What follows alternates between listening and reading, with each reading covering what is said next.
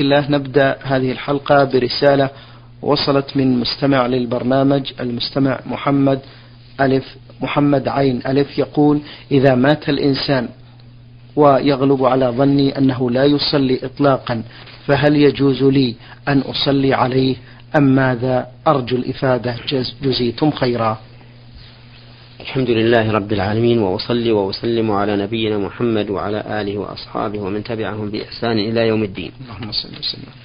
تقدم لنا عبر هذا البرنامج وفي رسالة كتبناها أن تارك الصلاة كسلا وتهاونا يكون كافرا خارجا عن الإسلام.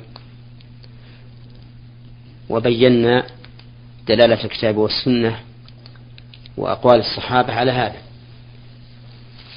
ولكن لا يجوز لنا أن نحكم بترك الصلاة على شخص بمجرد الظن.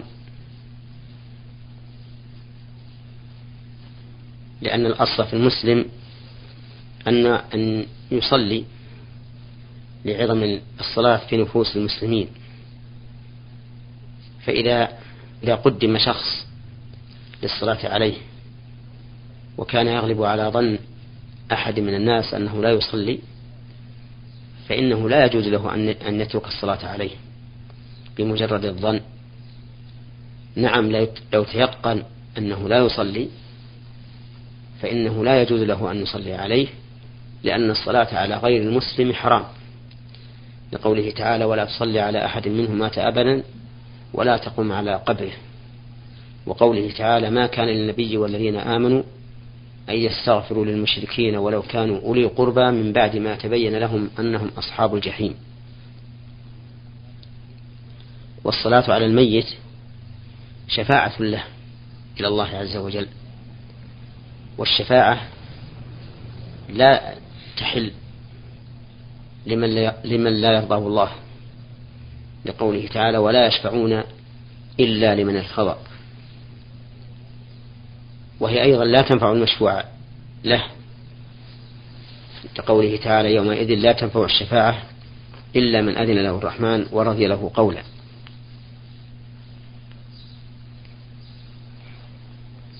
وقوله وكم من ملك في السماوات لا تغني شفاعتهم شيئا إلا من بعد أن يأذن الله لمن يشاء ويرضى.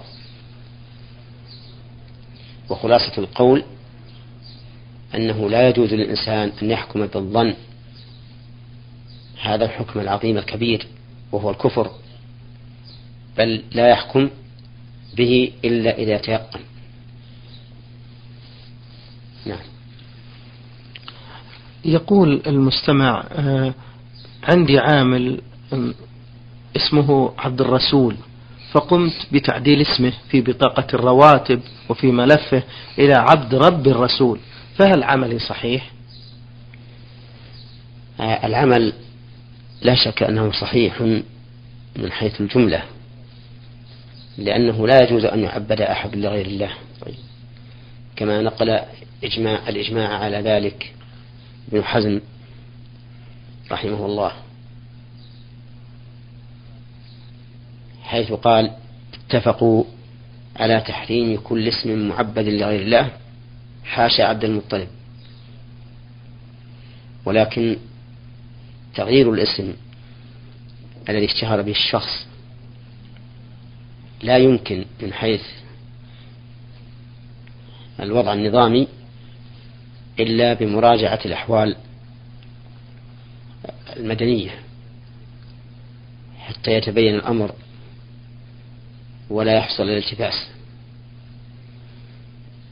وعندي أنه إذا حصل ما يوجب التغيير فإن الأفضل أن نغيره أصلا أي أن نغير الاسم أصلا. فلا نقول عبد, عبد رب الرسول بل نقول عبد الله عبد الرحمن عبد الوهاب عبد الحميد عبد المجيد وما أشبه ذلك. أما عبد رب الرسول ففيه طول كما هو كما هو ظاهر. طيب. ثم إن كل من سمع هذا التعبيد عرف أنه متكلف. في شيء من التكلف. ثم إن من سمع هذا التعبير سينقدح في ذهنه أن أصل هذا الاسم عبد الرسول. وربما يكون عنده عناد ولا سيما إذا كان من أولئك الذين يعظمون الرسول عليه الصلاة والسلام كما يعظمون الله. أو أكثر. ربما يكون عنده عناد فيبقي الاسم على أوله على عبد الرسول. فإذا غير أصلا واجتث هذا الاسم يعني عبد الرسول إلى تعبيد لله عز وجل كعبد الله وعبد الرحمن وعبد العزيز وعبد الوهاب وما أشبهه كان أحسن وأفضل. بارك الله فيكم المستمع أبو عبد الله يقول لوالدي صديق قديم ويطلق الوالد كلمة أم المؤمنين على زوجة هذا الصديق لأن اسمها موافق لإحدى أمهات المؤمنين كما أنه يسمي أحد أصدقائه أحد أصدقائه القدامى نوح فهل له ذلك؟ أما الأول وهو إطلاق أم المؤمنين على المرأة فهو حرام. لأنه كذب. فليست أم المؤمنين. وأمهات المؤمنين هن زوجات الرسول صلى الله عليه وسلم فقط. ولأن هذا الذي قال هذه الكلمة الكذب يريد أن يلحق هذه المرأة بزوجات أشرف الخلق محمد صلى الله عليه وسلم. وهي بلا شك زوجة لشخص لا لا يساوي رسول الله صلى الله عليه وسلم في المرتبة. وأما المسألة الثانية وهي تسمية الرجل بنوح فلا بأس أن يسمى الرجل نوحا أو إسماعيل أو إسحاق أو يعقوب أو هود أو غيرها من أسماء الأنبياء. نعم. يقول أيضا من أسئلة هذا السؤال فضيلة الشيخ. نعم وأنا أقول لا بأس أن يسمى يعني بأن يوضع هذا اسما للشخص. أما أن يكنى به واسمه الحقيقي غيره فإن هذا ينظر فيه. قد نقول بمنعه لأنه كذب وقد نقول بجواز من باب التشبيه بكون هذا الرجل له عائلة كبيرة. نعم. فكأنه يشبه نوحا في كثرة الأولاد لأن لأن نوحا عليه الصلاة والسلام هو الأب الثاني للبشرية كما قال الله تعالى وجعلنا ذريته هم الباقين نعم. بارك الله فيكم. آخر سؤال في رسالة المستمع يقول يقول ما هو المعتبر في عدد الرضعات؟ هل المعتبر مص الثدي ثم إطلاقه أم الوجبة الكاملة؟ نرجو بهذا إفادة. اختلف العلماء رحمهم الله في المراد بالرضعة هل يعتبر مص الثدي ثم إطلاقه رضعة ولو عاد في الحال أو أنه لا بد من رضعة منفصلة بائنة عن عن الرضعة الأخرى؟ على قولين في هذه المسألة. والراجح أنه لا بد أن تكون الرضعة منفصلة عن الرضعة عن الرضعة الأخرى بحيث يكون بينهما فاصل بين وأما مجرد إطلاق الثدي ثم الرجوع إليه في الحال فإن ذلك لا يعتبر رضعة أخرى لأن الرضعة هنا مثل الأكلة بالنسبة لمن يأكل الطعام. وقد قال النبي عليه الصلاة والسلام إن الله لا يرضى عن العبد يأكل الأكلة فيحمده عليها ويشرب الشربة فيحمده عليها. ومن المعلوم أن المشروع في الشرب أن يكون بثلاثة أنفاس وأن الشربة تشمل الأنفاس الثلاثة. وكذلك في الأكل فإن الإنسان يحمد الله عز وجل إذا فرغ من أكله مع أنه قد أكل لقما كثيرة فالذي يظهر أن المراد بالرضعة ما كانت منفصلة انفصالا تاما عن الرضعة الأخرى. وأما مجرد إطلاق الثدي في مكان واحد فإنه لا يعتبر تكرارا للرضاعات بل هو رضعة واحدة ولو أطلقه عدة مرات. ثم إن كثيرا من العوام يظنون أن الصبي إذا شبع من الرضاع فإنه يكفي عن العدد ولكن هذا ليس بصحيح. بل المعتبر هو العدد سواء شبع أم لم يشبع. فإذا رضع هذا الطفل من هذه المرأة خمس رضعات فإنه يعتبر ابنا لها من الرضاع. سواء شبع في كل رضعة أم لم يشبع. نعم. بارك الله فيكم. المستمع ميم ألف ألف من القصيم يقول أسأل عن قوله تعالى أعوذ بالله من الشيطان الرجيم. يخادعون الله وهو خادعهم. لأنني قرأت بعض التفاسير وخشيت أن يكون في بعضها ما يخالف مذهب أهل السنة والجماعة. وكذلك في قوله تعالى الله يستهزئ بهم. نريد الجواب الشافي. بارك الله فيكم. أحب أن أنبه على قول السائل إنه يسأل عن قوله تعالى أعوذ بالله من الشيطان الرجيم. يخادعون الله وهو خادعهم. فإن ظاهر لفظه أن أعوذ بالله من الشيطان الرجيم من مقول الله. والذي ينبغي إذا أراد أن يستعيذ الإنسان بالله من الشيطان الرجيم أن يقدمها على قول الله. فيقول مثلا أسأل عن هذه الآية ثم يذكرها. أو يقول أعوذ بالله من الشيطان الرجيم. ما معنى قوله تعالى كذا وكذا؟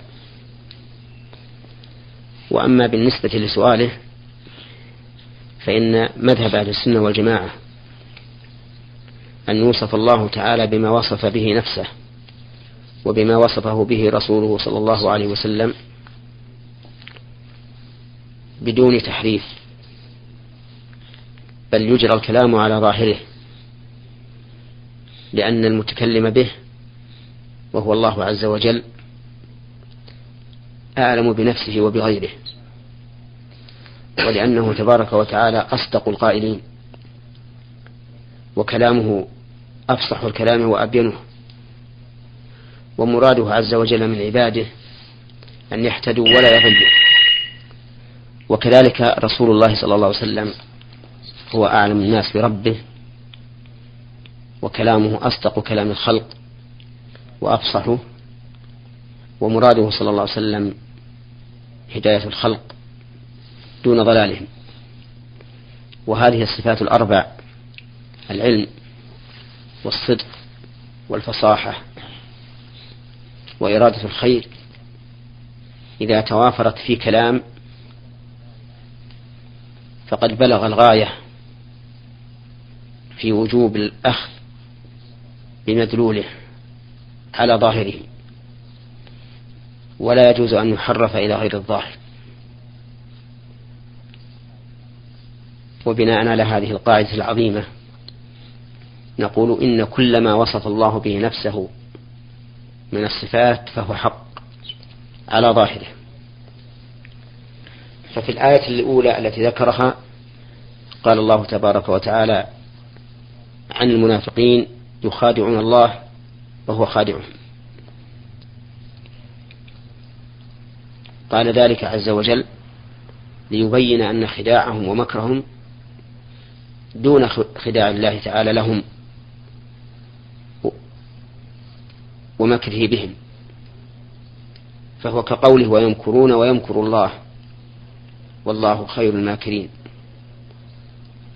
والخداع ليس وصفا مطلقا بالنسبة لله ولكنه وصف في مقابلة من يخادعونه ليبين أنه عز وجل أقدر منهم على الخداع والمكر. وهذا لا شك يدل على القوة وعلى ضعف المقابل. وليس فيه أي نقص يتوجه إلى الله عز وجل. ولهذا نرى الناس إذا أرادوا أن يخدع شخصا أن يخدعوا شخصا فعرف خداعهم وخادعهم. علموا أنه أقوى منهم وأشد. فالخداع في مقابلة المخادع صفة كمال وليس صفة نقص. ويذكر أن علي بن أبي طالب رضي الله عنه لما بارز عمرو بن عمرو بن ود وخرج إليه عمرو قال علي إني لم أخرج لأبارز رجلين. فالتفت عمرو يظن أن معه أنه قد لحقه آخر. فلما التفت ضربه علي حتى أهلكه. فهذا من الخداع الجائز لأن عمرو بن ود إنما خرج من أجل أن يقتل علي رضي الله عنه والحرب خدعة فخدعه علي رضي الله عنه بهذه الكلمة حتى قضى عليه. ويعد هذا من قدرة علي رضي الله عنه وقوته في خداع خصمه. ولهذا نقول إن الخداع والاستهزاء والمكر والكيد التي الذي وصف الله به نفسه إنما يوصف الله به في مقابل من فعل ذلك لا على سبيل الإطلاق. ولهذا ننبه على مسألة يقولها بعض العامة يقولون خان الله من يخون. فيظنون أن الخيانة مثل الخداع. وهذا ليس بصحيح. لأن الخيانة خداع في غير موضعه ومكر في غير موضعه. فلا يجوز أن يوصف الله بها. ولهذا قال الله تعالى وإن يريد خيانتك فقد خانوا الله من قبل فأمكن منهم ولم يقل فخانهم. لأن الخيانة وصف لا يليق بالله تعالى مطلقا لأنه مذموم على كل حال. نعم. بارك الله فيك. السائل فضيلة الشيخ يقول أنه قرأ في بعض التفاسير وخشي أن يكون في بعض ما يخالف آه، قول أهل السنة والجماعة ومذهب أهل السنة. نحب أن نطمن هذا السائل في بعض التفاسير. نعم. على كل حال أقول إن بعض المفسرين ينحو ينحون مذهب من يخرج النصوص عن ظاهرها فيما يتعلق بصفات الله. فيجب الحذر من هذا المذهب لأن حقيقته تحريف الكلم عن مواضعه وليس تأويلا صحيحا مرادا لله عز وجل.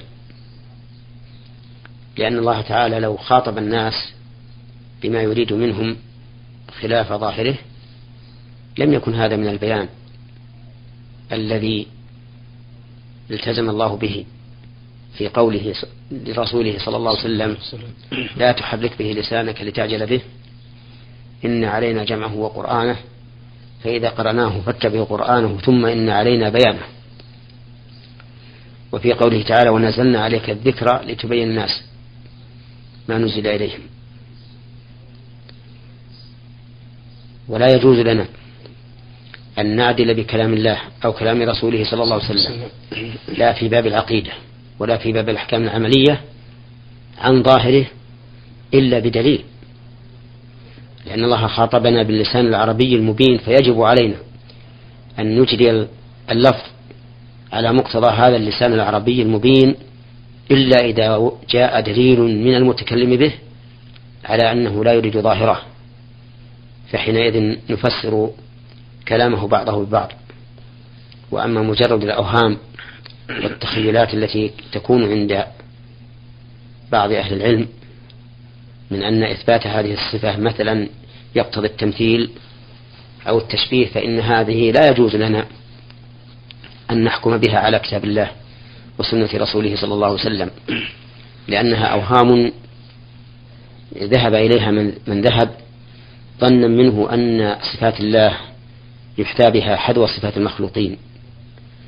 فيكون هذا الذي نفى الصفة يكون ممثلا أولا ومعطلا ثانيا. فهو ممثل أول بحسب ظنه ووهمه معطل ثانيا لأنه نفى الصفة التي يدل عليها ظاهر كلام الله ورسوله. أي الأخرى فقلت الشيخ الله يستهزئ بهم. في هذه الآية كما قلنا في الآية الأولى يخادعون الله وهو خادعهم وكما أشرنا إلى آية ثالثة ويمكرون ويمكر الله وكما وإلى آية الرابعة إنهم يكيدون كيدا وأكيد كيدا. نعم. بارك الله فيكم. معلم أسند إليه تدريس إحدى المواد التي قد لا يجيدها ولكن لعدم وجود البديل وافق فهل يأثم أم لا؟ أرجو الإفادة. لا يأثم إذا وافق ولكنه يأثم إذا قال بما لا يعلم لقول الله تعالى ولا تقف ما ليس لك به علم إن السمع والبصر والفؤاد كل أولئك كان عنه مسؤولا. وربما يكون الرجل لا يجد هذه هذا العلم الذي أسند إليه ولكنه إذا أسند إليه حرص عليه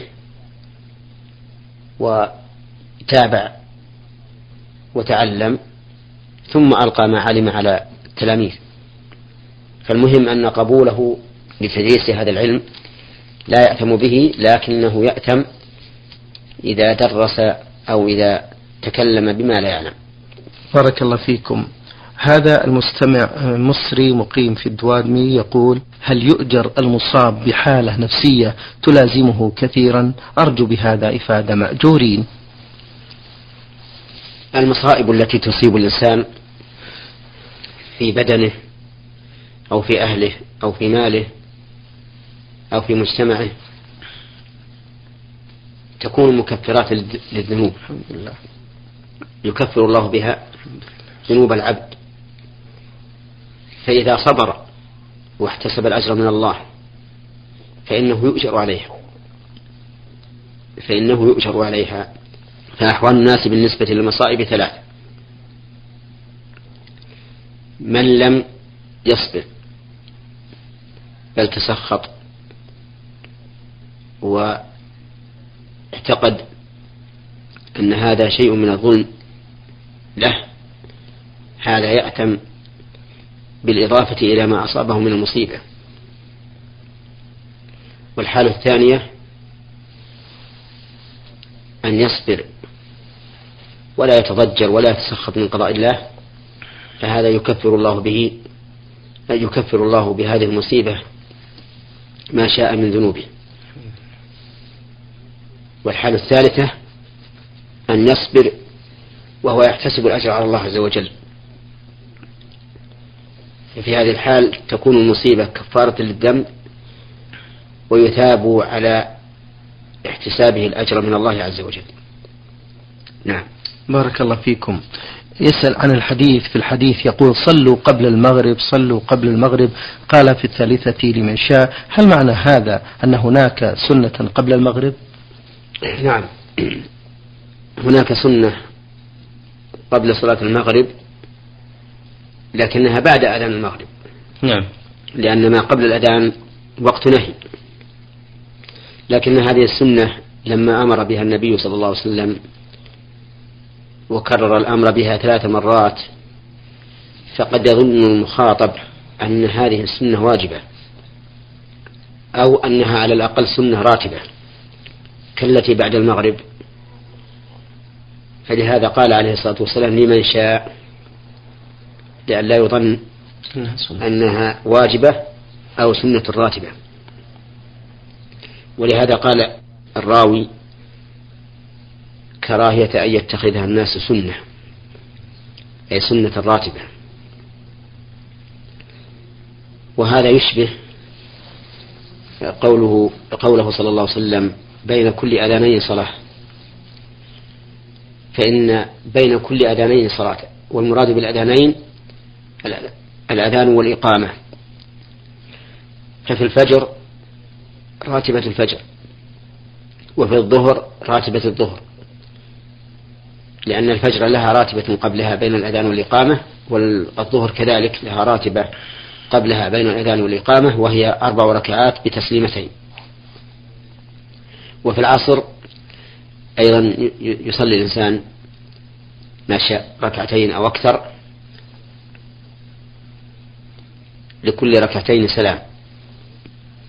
وفي المغرب هذا الحديث الذي أشار إليه السائل وفي العشاء أيضا يسن أن يصلي بين الأذان والإقامة ركعتين أو أكثر.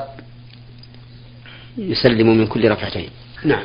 هذا طالب يقول آه، حكم الشرع في نظركم فضيلة الشيخ في الطالب الذي يقرأ القرآن ثم يحفظه ثم ينساه؟ نعم. إذا حفظ القرآن إذا حفظ الإنسان القرآن ثم نسيه فإن كان عن هجر للقرآن ورغبة عنه فإنه قد عرض نفسه لإثم عظيم. وإن كان بمقتضى السجية والطبيعة البشرية أو أتاه ما يشغله عن تعاهده فإنه لا يأثم بذلك. لأن النسيان من طبيعة الإنسان. كما قال النبي عليه الصلاة والسلام إنما أنا بشر مثلكم أنسى كما تنسون فإذا كان النسيان بمقتضى طبيعة البشرية أو من أجل أنه تشاغل بأمور واجبة أوجبت نسيان شيء من القرآن فإن ذلك لا لا لا يكون سببا لإثمه. نعم. هذه المستمعة آه، عين ميم قاف من جدة حي الصفا تقول هل يجوز لي فضيلة الشيخ أن أركب مع زوجي أختي في سيارته ويقوم بتوصيلي إلى البيت إذا أتيت عند أختي مع علم زوجي وزوج أختي يقوم بسؤالي ويتكلم معي فهل يجوز لي أن أركب معه؟ إذا كان معكما أحد كزوجة الأخ مثلا أو أي شخص آخر وكان هذا ال... وكان هذا الأخ مأمونا فلا بأس. وأما إذا كان وحده فإن هذا خلوة. وقد نهى النبي صلى الله عليه وسلم أن يخلو الرجل بالمرأة إلا مع ذي محرم. بارك الله فيكم. شكر الله لكم من فضيلة الشيخ وبارك الله فيكم وفي علمكم ونفع بكم المسلمين. أيها الإخوة